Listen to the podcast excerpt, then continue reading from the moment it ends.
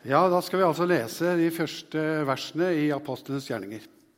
Og eh, jeg har bedt eh, Ja, det står oppe, så dere kan følge med der. I min første bok, 'Gode Theofilus', skrev jeg om alt det Jesus gjorde og lærte fra han begynte, og helt til den dagen han ble tatt opp til himmelen. Da hadde han ved Den hellige ånd gitt sine befalinger til de apostler han hadde utvalgt. Etter å ha lidd døden sto han levende fram for dem med mange klare bevis på at han levde. I 40 dager viste han seg for dem og talte om det som hører Guds rike til. En gang han spiste sammen, påla han dem dette. Dere skal ikke forlate Jerusalem, men vente på det som Far har lovt. Det som dere har hørt av meg. For Johannes døpte med vann, men dere skal om noen få dager bli døpt med Den hellige ånd. Mens de var sammen, spurte de ham, Herre, er tiden nå kommet da du vil gjenreise riket for Israel? Han svarte, Det er ikke gitt, er ikke dere gitt å kjenne tider og stunder som far har fastsatt av sin egen makt.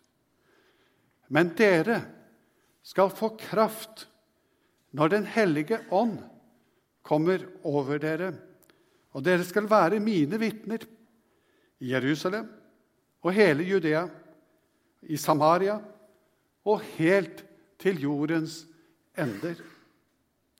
Da han hadde sagt dette, ble han løftet opp mens de så på og en sky tok ham bort foran øynene deres, som de nå stirret mot himmelen. Mens han dro bort, sto med ett to menn i hvite klær foran dem og sa, Galilere, hvorfor står dere og ser mot himmelen? Denne Jesus som ble tatt fra dere opp til himmelen, han skal komme igjen på samme måte som dere har sett han fare opp til himmelen. Amen. Det er Lukas som har skrevet denne boka.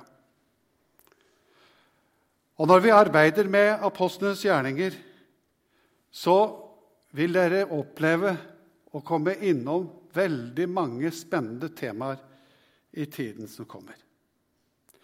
Det er på mange måter vår første kirkehistorie. Apostlenes gjerninger kalles jo boka. Men den kan kanskje også kalles Den hellige ånds gjerninger. Den forteller så mye om hvordan Den hellige ånd arbeider i Kirken, gjennom Kirken og gjennom sine vitner. Vi tenker enkelte ganger på at Den hellige ånds dåp det er noe sånn individuelt, noe helt personlig. Men det kan se ut som, når vi leser begynnelsen av apostelens gjerninger, som om det er også noe som skjedde med Kirken.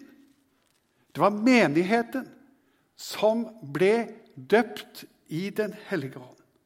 Så både på det individuelle plan og på det generelle, eller på dette at det ble menigheten som, som eh, ble døpt i Guds ånd på din første pinsedag, som dere skal få høre om i kapittelet etterpå. Kirken det består jo av mennesker som er født på ny ved Den hellige ånd. Vi hører mange ganger i boka om at apostlene, eller disiplene, de blir fylt av Den hellige ånds kraft. Og de fikk kraft til å vitne om Jesus. De fikk kraft tross motstand. Tross mange hindringer så klarte disse ungdommene å nå fram og få gjennomslag med sitt budskap. Og jeg tror vi òg i dag vi trenger, kanskje mer enn noen gang, å be om nettopp dette at vi blir fylt med Guds ånd, slik at Gud kan virke igjennom våre virksomheter. De gamle de ba, og vi også må be om at Guds ånd kommer og er oss nær i vår virksomhet. Men så er det slik at det også si at Jesus er Herre Det å virkelig mene det, det er så stort et under at det er ikke noe som du kan komme på av deg selv. Hvis du virkelig mener at Jesus er herre i ditt liv, ja, så har det skjedd et under i livet ditt. Ingen kan si Jesus er herre uten i Den hellige ånd, står det. Det betyr altså at hvis du virkelig mener å ha Jesus som herre i ditt liv, ja, så er det et under av Ånden. Det er Ånden som har gjort det slik at du sier det. Det kan være mulig at du klarer å ha det som et munnhell og si ja, jeg er en kristen. Ja, Jesus er herre i mitt liv. Men du mener det egentlig ikke.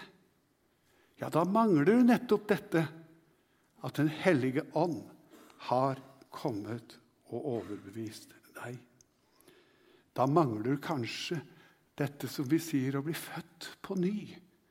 For uten at dere blir født av vann og ånd, så skal dere ikke se Guds rike. Derfor er det med å gjøre å be også om det, og ransake seg selv og spørre er jeg en av de som hører Gud til. Er Jesus Herre i mitt liv, eller er jeg bare med i en bevegelse, i en gruppe? Hadde jeg bare en tilhørighet sånn ytre sett? Eller har Jesus kommet inn og overbevist meg om at han skal være herre i mitt liv? Vi snakker om åndens enhet. Åndens enhet det er ikke det samme som åndens enighet. Det betyr ikke at vi behøver å være enige om alle ting i Kirken. Men det er på ett område at enheten manifesterer seg. Og Det er akkurat dette som vi nå har sagt. At Jesus, han er min herre. Og jeg er bøyd meg for han, og er overbevist om at han er min. Det er slik med alle. Om de har tilhørighet i det ene kirkesamfunnet eller det andre, det er ikke det som teller. Men om du tilhører Kristus, og Den hellige ånd har flyttet inn i ditt hjerte. Ja, jeg klarer ikke å la være å nevne og, på en måte foregripe begivenhetens gang bitte litt. Det som skjedde i neste kapittel, kapittel to, i pinseunderet som skjer der, det er på en måte Kirkens fødsel. Da ble, som jeg nevnte, Kirken døpt i Den hellige ånd og ild. Og det nye som skjedde da, det er at budskapet hørte de på sitt eget språk og det nye er det at det er ikke forskjell på folk. På kvinne, på mann, på treller, på fri, på jøde eller greker. Alle, alle tilhører Guds rike. Og når vi leser i dette som eh, ser litt nærmere på det som vi leste, så er det akkurat som om det skjer i teksten. I forhold til Jesus sin samtale med disiplene så sier han eh, Gjenreiser du, sier disiplen til, til, til, til Jesus, på den tid riket for Israel. Hva gjør Jesus da? Han korrigerer disiplenes geografi når det gjelder Guds rike. Det er så flott å tenke på. Han sier at det, det kommer ikke dere an på å vite det. Det er ikke deres sak å vite det. Men dere skal være mine vitner i Jerusalem, i Judea, i Samaria og like til jordens ender. Utvider geografien. Og det er litt av budskapet i dag. Jesus sitt misjonskart. Er det i samsvar med ditt misjonskart? Han vil tegne et kart for deg og si noe om hvem du skal tjene. De nærmeste. Du skal vitne for dem.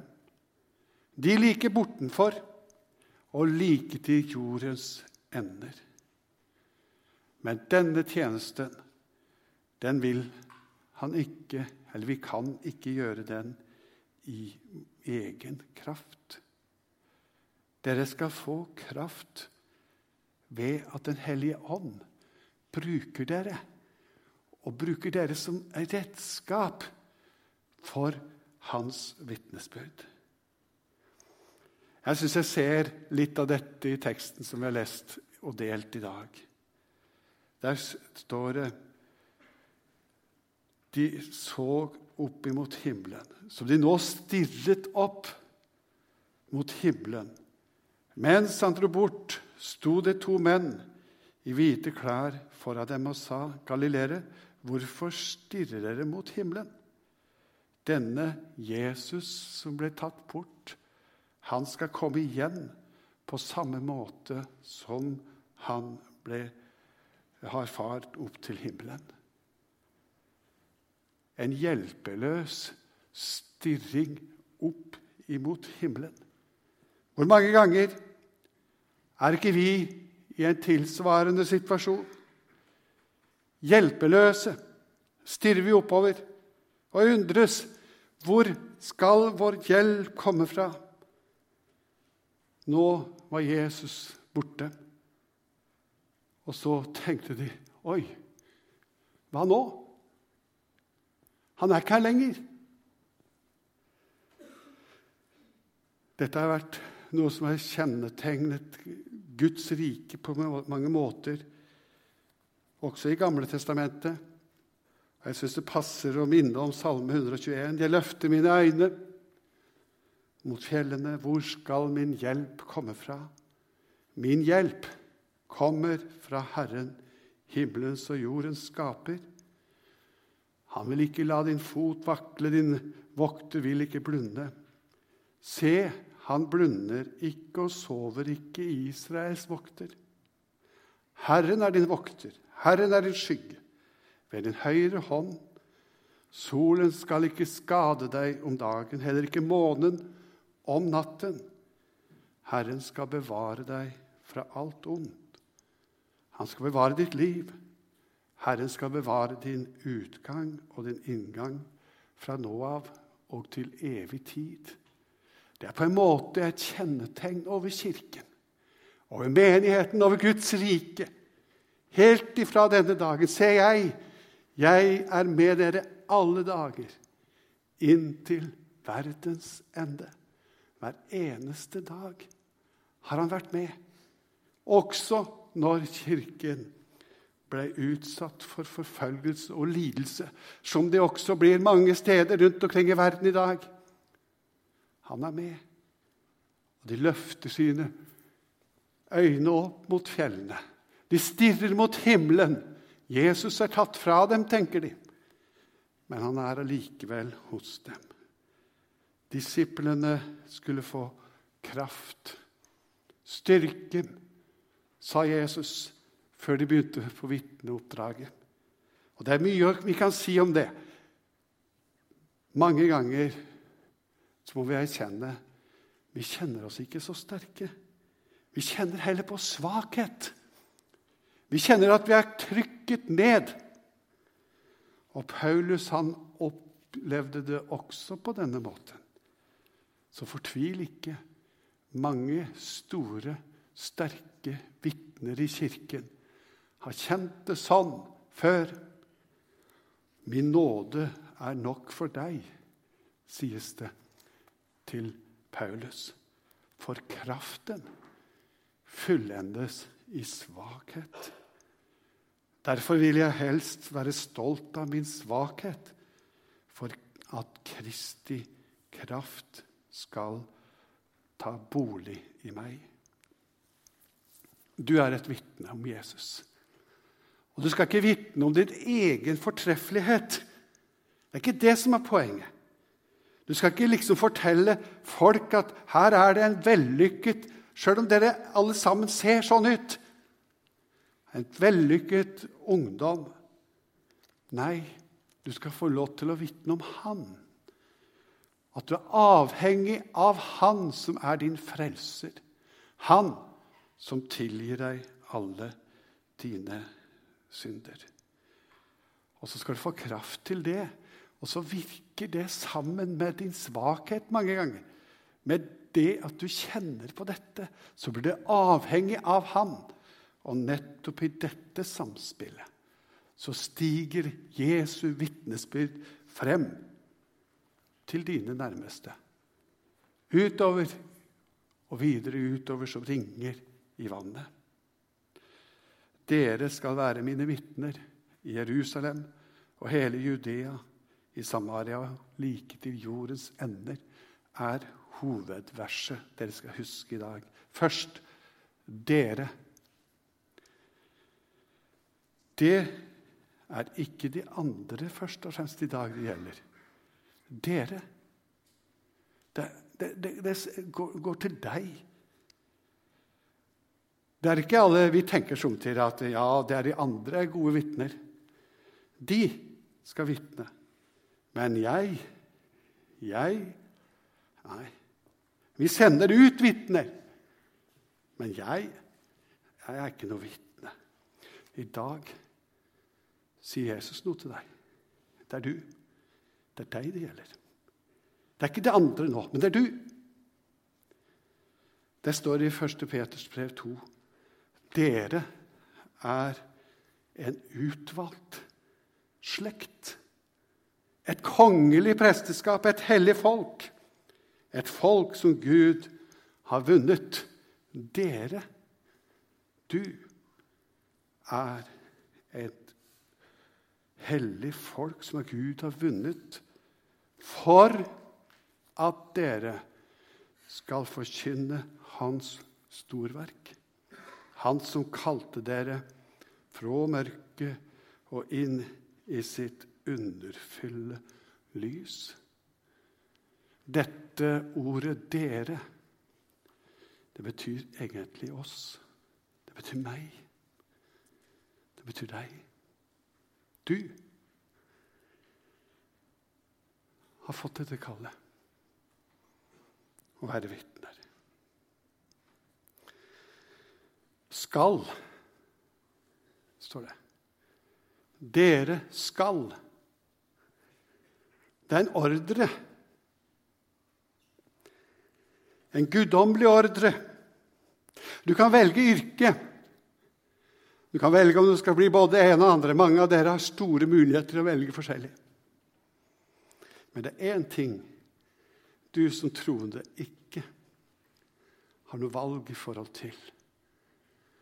Og det er dette at du skal være et vitne. Alle er vitner. Det betyr ikke at eh, alle skal være misjonærer eller har et spesielt eh, ansettelsesforhold i kirka. Men det betyr at alle, vi, er vitner. Hans vitner. Du kan undre deg, for du syns at alle andre er så mye bedre enn deg nettopp til dette. Du kjenner kanskje ikke på kraften sånn som du ville. Du kjenner mer på svakheten, som jeg nevnte. Du skal. Du. Nettopp du som kjenner på den svakheten. Du skal vitne om hans storhet. Det er oppdraget som du har. Og konsekvensen med å svikte det oppdraget, det er at det er noen som ikke får høre om Han som er din Herre. Neste er at du skal være. Du skal være et vitne. Det er noe du er, mer enn noe du gjør. Og et vitne i denne sammenheng må ha noe å vitne om.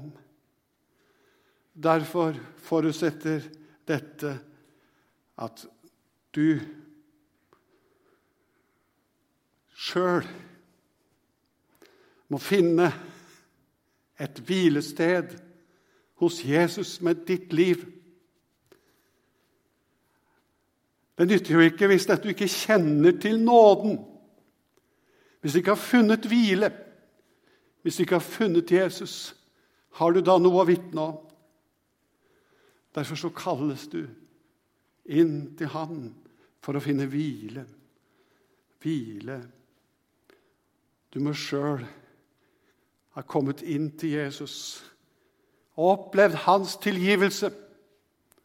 Om du skal ha troverdighet i ditt vitnesbyrd om Han. Du skal være, være en som lever i dette. Dere skal være mine, står det. Mine. Vi er hans eiendom. Hvis det er slik at Den hellige ånd har kommet inn i ditt hjerte og født deg på ny, så tilhører du Han. Han er min Herre. Jeg er hans eiendom. Og jeg har fått lov til å gi meg over til Han. Og da står du og jeg til hans disposisjon. Det betyr simpelthen at Jesus er Herre i ditt liv. Dere skal være mine vitner, står det. Vitner. Jeg nevnte så vidt dette ha noe å vitne om. Det er kun ett navn menneske, som, som mennesket kan bli frelst ved. Det er bare ett navn. Det er ikke ett navn blant flere, men det er bare ett navn. Og det er Jesu navnet. Og dette navnet kjenner du. Han er jo herre i ditt liv. Derfor skal vi få lov til å bære dette navnet fram for andre. Noe som har blitt eh, på en måte mer og mer klart for meg i de senere årene. Og kanskje også etter at jeg begynte å bli mer kjent med disse ungdommene som Morten representerer, som til Young Life og de. Det er dette med gettokristendom. Og jeg gikk inn på, Vi bruker ordet getto, så gikk jeg på Wikipedia. Wikipedia og spurte, jeg søkte hva er getto. Og getto, Hva er det egentlig for noe? Det var en bydel som heter getto i Venezia i Italia. Et begrep brukt om et område, ofte et kvartal eller en bydel, der en gruppe mennesker med flere likhetstrekk bor sammen, men som samtidig skiller seg ut i forhold til innbyggere som bor utenfor gettoen. Har vi i Misjonssambandet, vi i vår menighet, på en måte blitt en getto. Som skiller oss litt ut, men finner på en måte et fellesskap i det. Jeg tror Jesus vil røske litt i oss når det gjelder akkurat det. Han sier det skal være mine vitner. Det er godt at vi har et kristen fellesskap. Det er godt at du har bibelgruppa di, kirka di, og du skal være trofast mot det. Men Jesus han vil at du skal være lys og salt. Vitner som påvirker mennesker. Da kan vi ikke klynge oss sammen i gettoer. Dere skal være mine vitner, sa han. Og så for han opp til himmelen. Det var det siste han sa. Dere skal være mine vitner. Amen.